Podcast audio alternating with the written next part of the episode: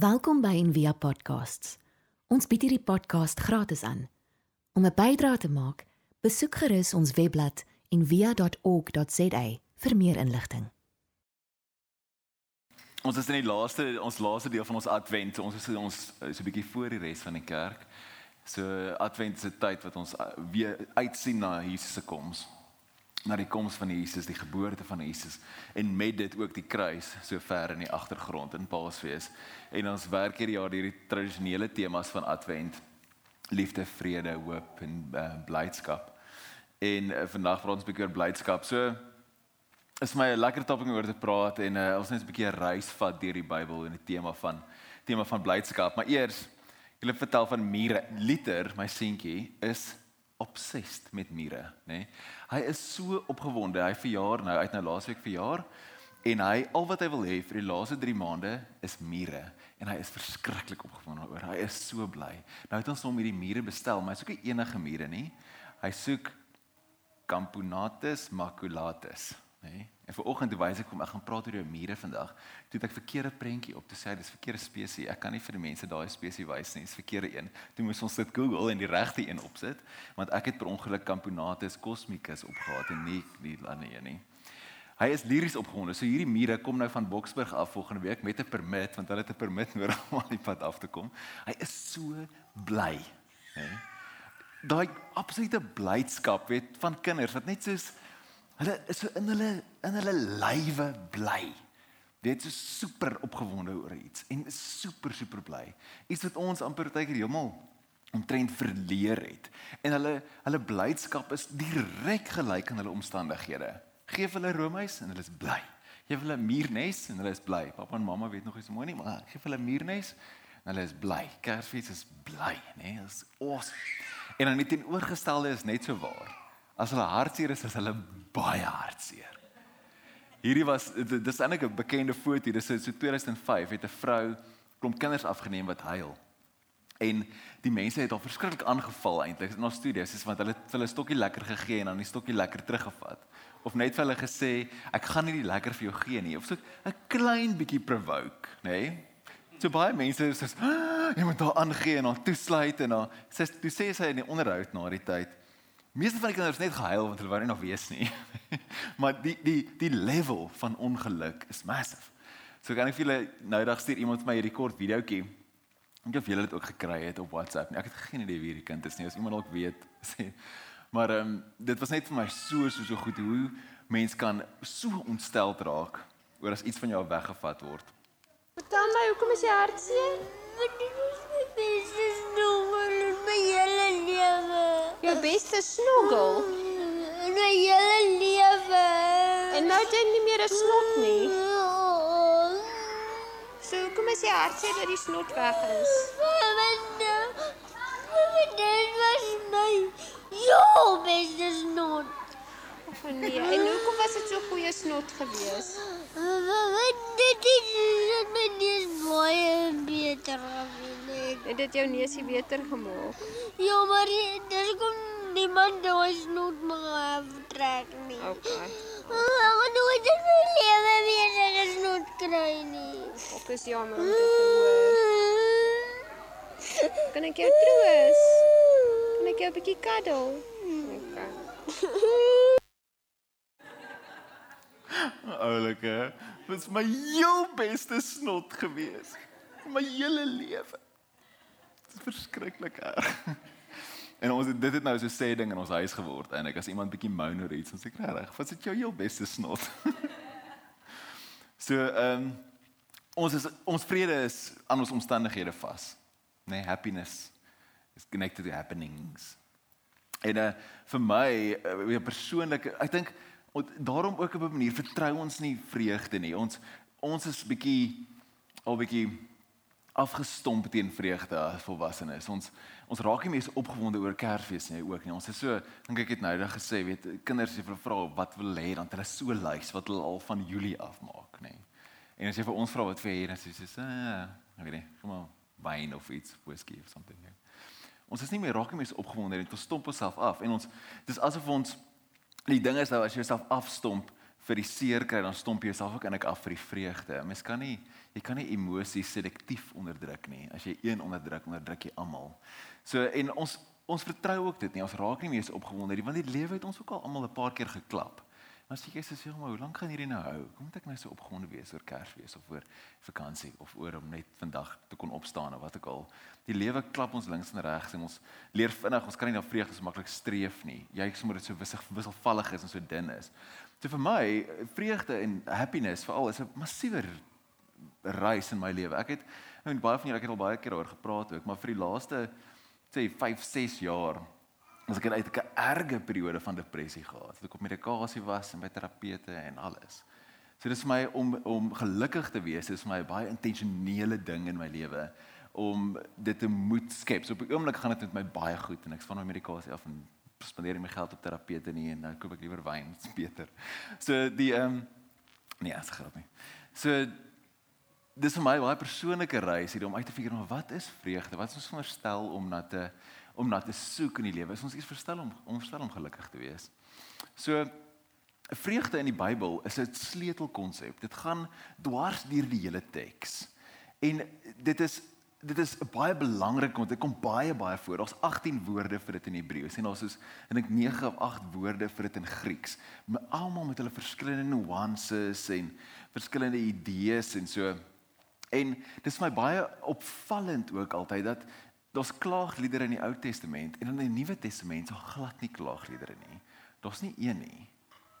So dit is my baie interessant altyd. So hierdie woorde, een van hulle vir my gesing is kara. So kara beteken joy en dit het 'n nuance van opvullende, oorvloeiende vreugde. En daar's baie ander, maar wat interessant is, is nie die verskillende nuances van die woorde nie. Wat interessant is, maar is al die verskillende goed wat hulle na verwys. So as jy dit die lyntjie trek deur die Bybel en kyk maar wanneer word hierdie woorde gebruik? Nie noodwendig wat dit beteken nie, maar wanneer word dit gebruik? So net so 'n paar paar tekste bronne van vreugde wat ons sien in die Bybel. So van reg van die begin af, Genesis 1 sê God looked over everything he had made and it was good. So very good. Genesis 1:31. So natuurlik dan sien mense in die Bybel wanneer die skepping self goed is, dan ons al baie keer in die psalms en die digters wat skryf oor hoe amazing vreugde die die natuur net bring. En nou ons het laasweek die wat al gesien het ons gaan stap of gaan rondloop daar in Israel en die nadat ons uit Jerusalem uit is, toe gaan stap ons net een dag op pad, daar's so beautiful waterval in Gedi. Toe stap ons net aan die waterval toe en almal, almal, al 20 mense wat saam was, was na die tyd so, "Ag, oh, dankie tog. Ons kan net 'n bietjie in die natuur inkom want hier is daai Jerusalem stof en dit is te mekaar en is loud en is baie mense en is vuil en ek kan net 'n bietjie net verfris, hè. Dit verkoop my siel, daai Psalm 23. Dit verkoop my siel. Hy lei my na waters waar daar rus is. So die natuur is 'n bron van vreugde. Oral waar jy die woorde vir vreugde kry in die in die in die Bybel sien jy dat dit wys aan die natuur toe.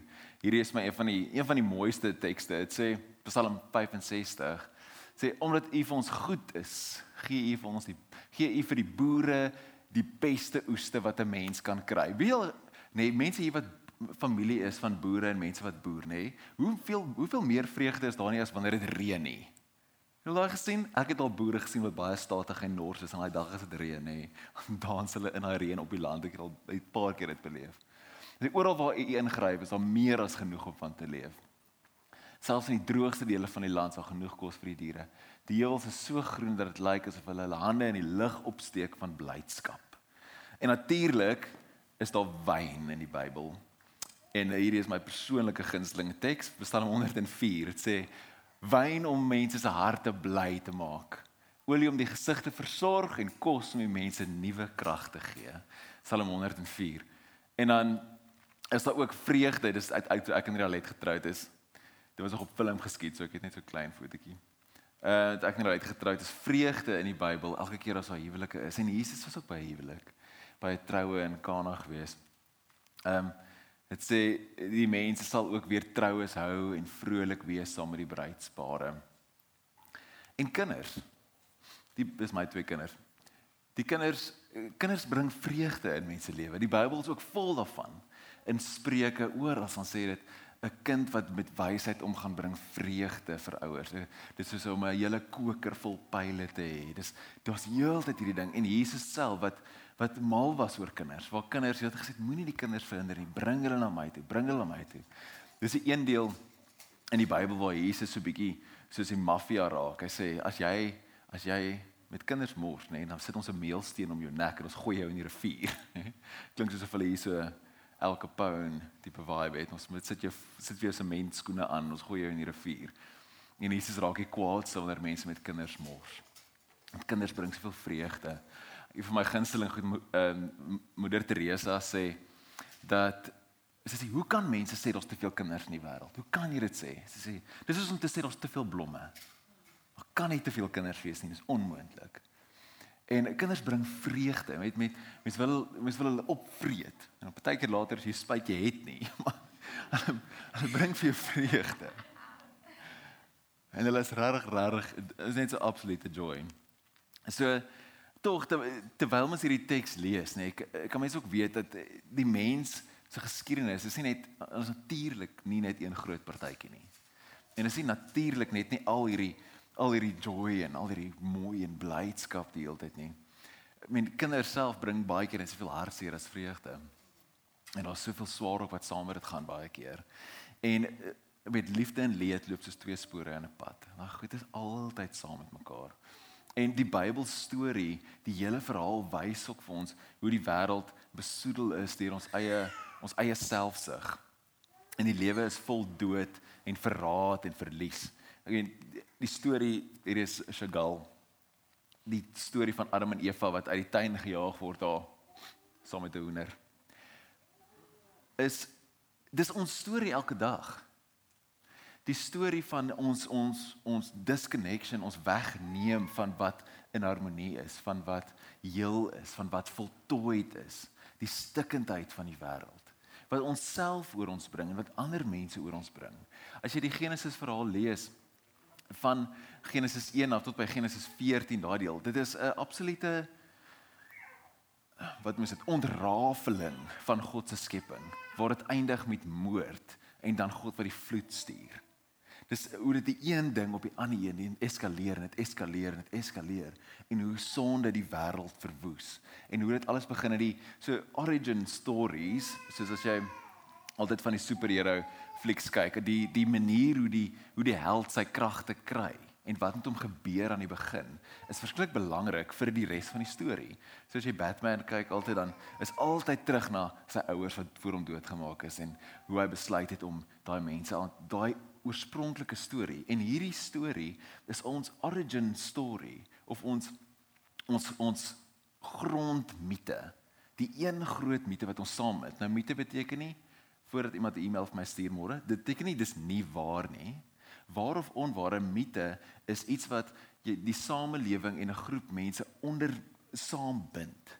So ons leef almal heeltyd daai storie. So die wonder van die Bybel, die rema van die Bybel dat dit 'n lewende woord is, is nie dat dit net een keer lank tyd terug gebeur het nie, maar dat dit gebeur elke dag. So die storie van Adam en Eva wat weg is van die tuin af, wat in 'n stikkende wêreld is, is nie iets wat net lank terug gebeur het nie, dis iets wat elke liewe dag gebeur as gevolg van ons eie selfsug en ander mense se selfsug. So ons lewe in hierdie stikkende wêreld. En ons lewe sê in hierdie in hierdie woestyn. Maar soos ons die Bybel verder lees, is dit baie baie interessant dat blydskap nog steeds elke keer opdaag, selfs binne in die woestyn, selfs binne in hierdie stikkende wêreld. sien ons nog die hele tyd hierdie mooi Hebreëse woorde en hierdie mooi Griekse woorde van blydskap in die wildernis. En so toe God Moses geroep het om die Israeliete te bevry, was die eerste ding wat hulle gedoen het, is hulle het gesing van vreugde. So as jy daai hele storie lees in Eksodus, hulle sing die hele tyd. As hulle is in die woestyn. Hulle weet nie waar hulle kos vandaan gaan kom die volgende dag nie. Hulle is omring deur hulle vyande en hulle sing. Hulle sing die hele tyd. In Psalm 105 dan skryf die digter daaroor. Hy sê hy het sy volk al singende laat uittrek. Almal wat hy uitgekies het, het gejuig van vreugde.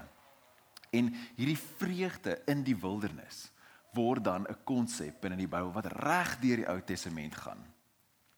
So selfs selfs in die ballingskap toe hulle weggeneem is uit dit uit, dan skryf die profeet Jesaja, hy sê eendag sal ons weer terugkom. Die Here sal ons vrymaak. Hy sal ons weer laat teruggaan na Jerusalem.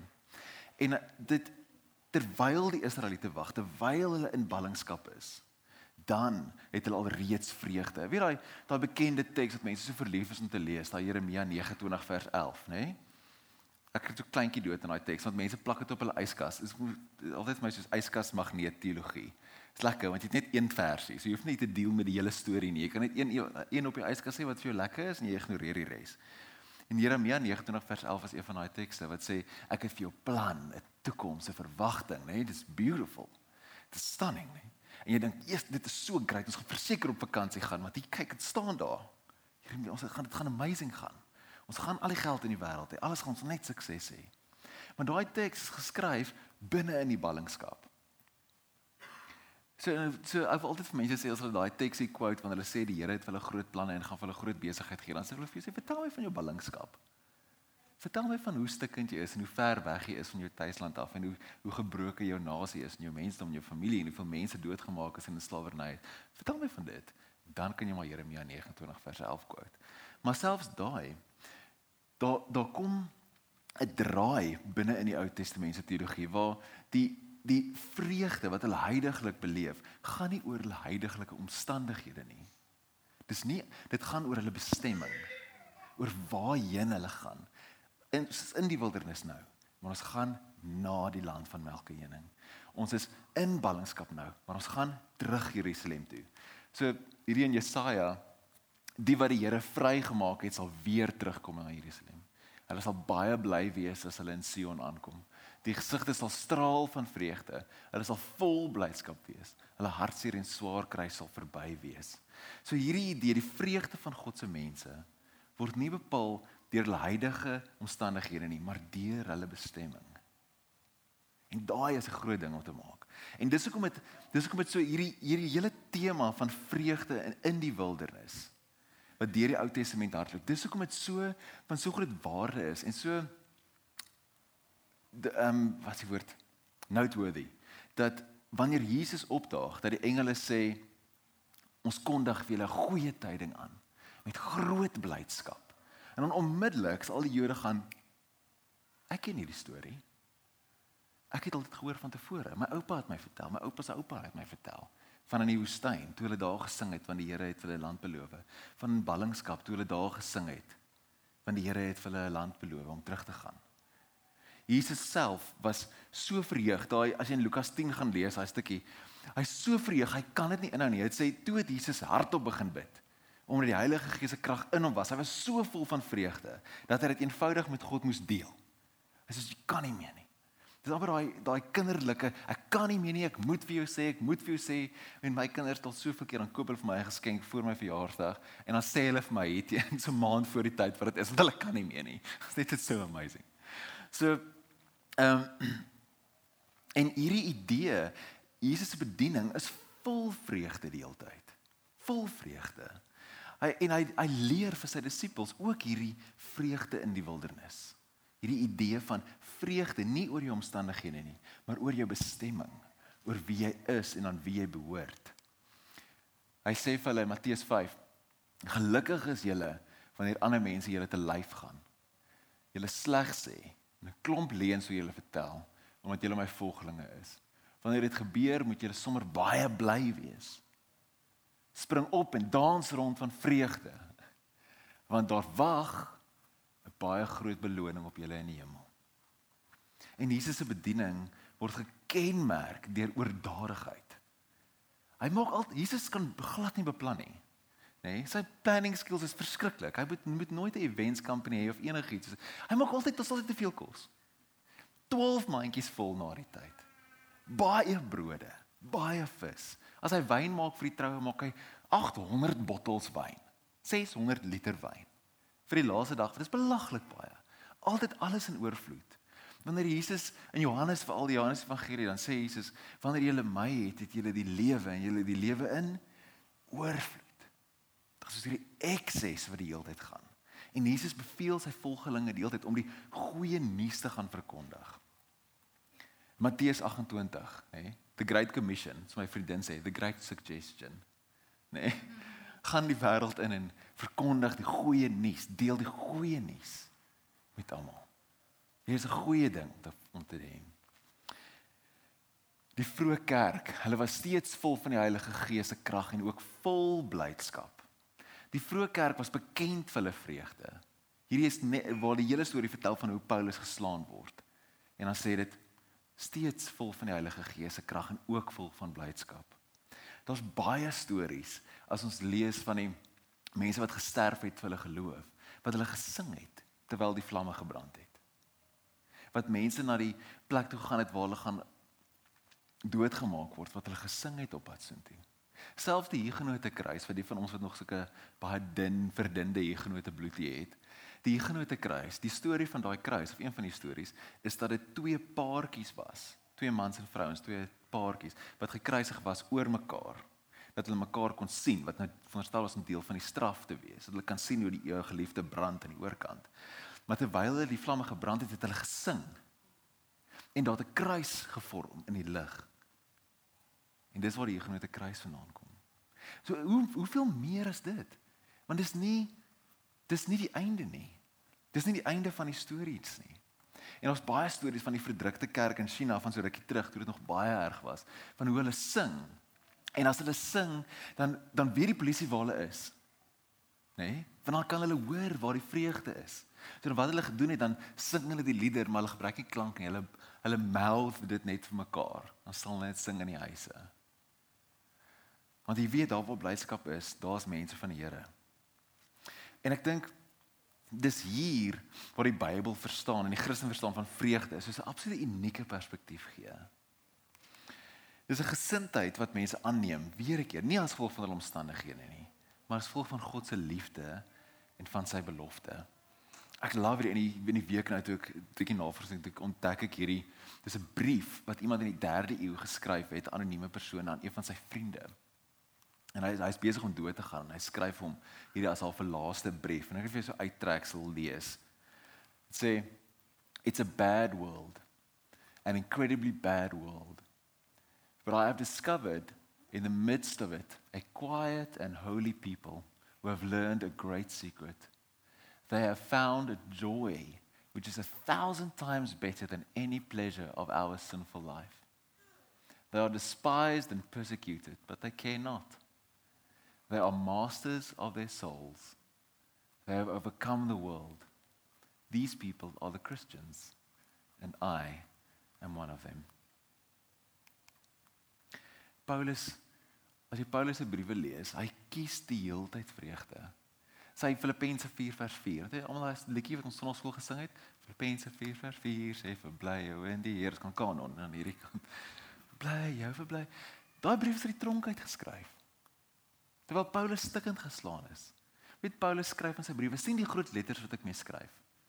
Nê? Nee? En baie mense sê o, hy kon nie sien nie, hy kon nie dit doen nie. Maar as jy dink, Paulus is 'n paar keer gestenig met klippe gegooi. Wat doen jy as iemand jou met klippe gooi? Nee, dink hoe lyk sy hande? Hoeveel keer is hy geslaan met balke? Die Romeine het jou met 'n balk geslaan soos 'n 2x4, nê? 'n Balk. En hoeveel keer is hy gegesel? Hoe sy rug gelyk? Nog steeds skryf hy verbly jou, verbly jou, verbly jou in die Here. Die vreugde skryf Paulus is 'n vrug van die Gees. Dis die teken dat Jesus by jou is. So wanneer jy glo dat Jesus se liefde selfs die dood oorwin het, word vreugde redelik. So selfs binne die donkerste van omstandighede. Dit en dit beteken glad nie dat jy my swaar kry ignoreer nie.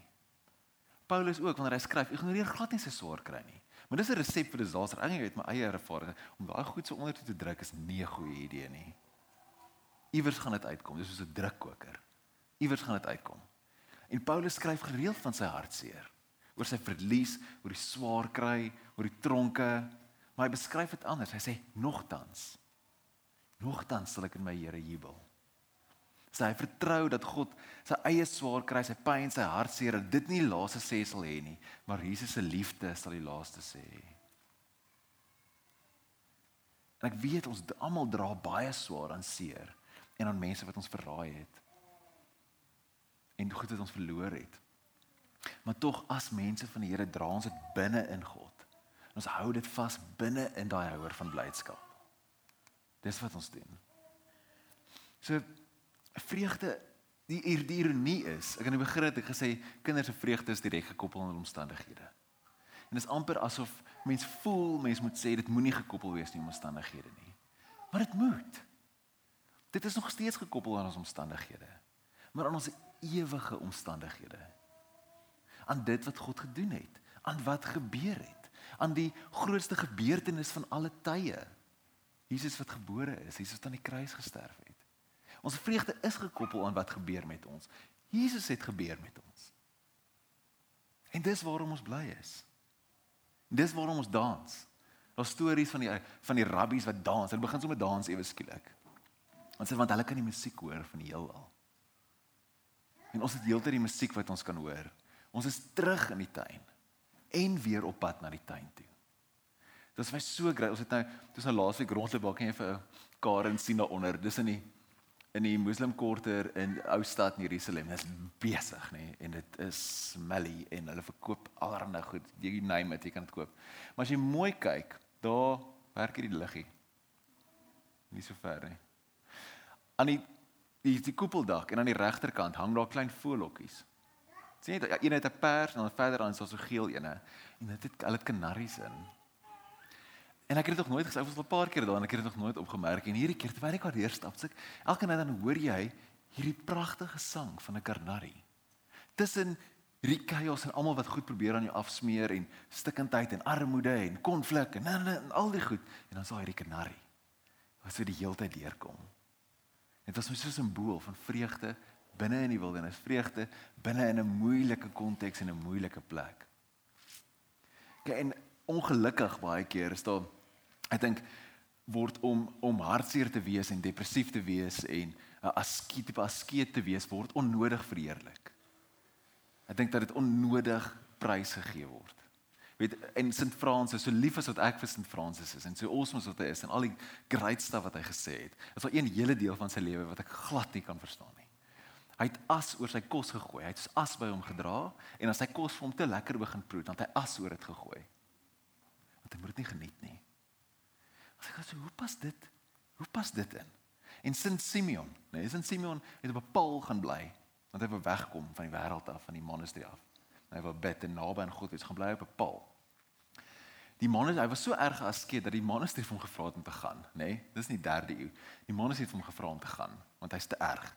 Toe gaan bly op 'n paal. Toe bind hy 'n tou aan sy been vas dat hy nie afval van die paal in die nag nie. Toe begin die tou in sy been invrot en die wurm sy been eet. Toe sê hy, geniet wat God vir julle gegee het. So nee. Ek dink dit is die pad nie. Ek dink daar's glorie in dit nie. Om jouself te onteien van vreugde ter wille van Christus nie. Swaar kry gaan met jou gebeur in elk geval. En wanneer dit gebeur, sal die Here dit gebruik om regtig iets mooi te bou. Maar dis nie iets wat ons gaan soek nie. Sint Teresa van Avila ek's mal oor sy is my gunsteling nee sy is so rockstar non sy het, sy het die in die 15de eeu na die reformatie gebeur het Martin Luther het sy was een van die groot drywers in die katolieke kerk wat die katolieke kerk gereformeer het wat 'n klomp van die goed wat nie in die kerk gehoord het nie uitgekry het en klomp nuwe goed ingebring het en sy is amazing sy kom van sy's 'n karmeliet so van die berg Karmel af en sy was ook baie snaaks Sy het byvoorbeeld gesê, "From silly devotions and sour-faced saints, good Lord, deliver us." en die ander wat ek mal oor is, sê, "A sad nun is a bad nun. I am more afraid of one unhappy sister than a crowd of evil spirits." Dit was great. Hè? So vreugde is ek het baie stories vertel oor Sint Teresa, maar net ek eers begin en enige hele geen preek oor haar is awesome. Ehm um, vreugde is twee dinge vir my, is perspektief. Hè, nee, wat is jou omstandighede regtig? Jesus kan ooreageer. Vir die wat my ken, ek het so 'n tatoe op hierdie arm, nê, nee, van dis 'n storm in 'n teekoppie. Eintlik, as jy nou as tyd het dalk kort, nê. Storm in 'n teekoppie, nê. Nee, so moet ek so ooreageer die hele tyd. Dat ek soos hierdie dat ek gesê ek moet hierdie opsit dat dit my help met help nie. Dat ek, dat ek nie so net onthou om iets te ooreageer nie. Nê, nee, want is dit reg? Is dit reg? Is dit reg so erg? Was dit jou beste snot? Is dit nou jou beste snot wat jy nou verloor het? Is dit so erg? Dit is nee, dit is nie so erg nie. Dit is 'n bietjie perspektief. Bietjie perspektief. En die tweede deel vir my wat ek my is om te oefen in daai perspektief. om jou lewe so te reël en so te leef dat jy heeltyd bewus is van daai perspektief. En om al die praktiese goeders ook in jou lewe in plek te kry. Nee, slaap jy genoeg? Tom Smith, 'n vriend van my, hy sê altyd hy sê daar's nie manier jy kan Jesus volg as jy nie 8 ure aanslaap nie. Nie manier nie. Dis veel te moeilik. Jy moet ordentlik slaap. As jy ordentlik slaap nie, gaan jy nie gelukkig wees nie. Einde van die storie. Gaan koop die beste matras wat jy kan bekostig, sê jou lewe verander. Dan kan jy eintlik na die Here luister, want jy het genoeg geslaap. En die Here gee dit in elk geval in jou slaap. So as jy nie slaap nie, kry jy niks. Né? Nee, oefen jy genoeg? Nee, uh, sorg vir jou lyf. Eet jy reg? Né? Nee? En net ek kry hierdie nie week nog ek dis awesome, ek love it. Kyle sucks. Niemand hou van Kyle nie. Kom ons wees met eerlik met mekaar. Ons almal oortuig onsself dis gesond, maar niemand hou eintlik af van nie. Né? Nee? Dis African aklig. So jy moet reg eet, maar jy moet ook lekker eet. Want hoeveel vreugde is daar nie in kos nie? Die een ou het hierdie studie gedoen oor vreugde. Ek het dit nou eendag in 'n preek ook gesê vir iemand wat nie dalk nie was nie. Dit die gelukkigste wat jy kan wees is om 'n tafel met goeie wyn, goeie kos, goeie geselskap. En as jy daai tafel in die son kan skuif, so 'n bietjie son op jou lyf kry, dan dis die toppunt van geluk wat jy kan kry as 'n mens. En dit is so. En is jy gelukkig by jou werk? Drink jy jou pille? Ek het nou reg gelag vir een van sy sê sy is so moeg vir die vrou wat heeltyd so depressief is en sy praat op oor haar pille en dit sê so skoorie, maar drink jy jou pille? Want kyk hoe lyk jy? Want ek dink dit werk nie. Nee, ek kan dit sê, ek het ook pille gedrink, so ek mag 'n grappie maak. Dan sê so en sorteer jy jou nonsens uit. Ons almal het nonsens, ons almal het wonde. Sorteer jy dit uit? Nee, of los jy dit net? In die week Esmy, ek okay, Esmy, hulle is nie volgende nie. Hulle is by die sevens, ek dink ek moet nou so stil is volgende. Die ehm um, sy sê let it go or be dragged. Nee, dis die deal. En ek meen in wie kan dit so ons het sulke klomp goed enneagram, onderskeidingstydperke, retreat, al hierdie goed wat ontwerp is om dit te doen. Dat jy kan uitkom by daai wonder, dat jy kan skoon kry, dat jy kan verbykom, dat jy gelukkig kan wees. Dat jy vir Jesus in die oë kan kyk. Want dis die finale ding om te weet dat God is lief vir jou. Om te weet dat die wêreld sien net dit wat jy sien nie. Om te weet dat Jesus gebore is vir ons, vir jou. Om te weet dat hy gesterf het vir ons en vir jou. Om dit te weet. Dis waar die blydskap lê. Want hy gee vir jou die sekuriteit. Hy gee vir jou die aanvaarding. Hy gee vir jou die liefde. Alles wat jy nodig het. So jy kan rede hê om te sing. God het mens geword. Dis 'n goeie tyding, 'n tyd van groot blydskap vir die hele mensdom. En dis ons dis ons omstandighede. En wat is beter as dit? So net om jy af te sluit. 'n Vriend van my Erik Creer, sy boek is nou uit. Acta non verba, die boek se naam is ook Acta non verba. Dit beteken ehm um, doen, moenie praat nie. Doen, moenie praat nie. Sien ek wil jou Ek hou altyd my preke so afsluit want ek is so moeg vir net praat en praat en praat. Doen. Doen. Vir een ding wat vir jou uitgestaan het vandag. Een ding. Selfs is dit loskuil want jy's net besig om jouself daar seer te maak. Dan gaan doen dit. Koop jou beter bed. Spandeer tyd saam met die Here. Gaan op onderskeidingstydperk. Gaan op retreat. Doen jy enneagram. Sodat daai perspektief kan regkom. Dat dit kan herstel dat jy kan gelukkig wees. Dat jy kan leef. Kom ons bid saam. Dankie Here dat dat U saam met ons is, dat U kom en dat U gekom het en dat U steeds kom, Here. Maak ons oë oop. Ons kan dankbaar wees vir die grootste gebeurtenisse wat die meeste blydskap van alle tye nog ooit veroorsaak het. Dis U geboorte in die lewe in die sterfte en die opstanding. Help ons om te sien. Ons loof U naam. Amen. Ons hoop van harte jy het hierdie podcast geniet of raadsaam gevind. Besoek gerus en via.ok.za vir meer inligting.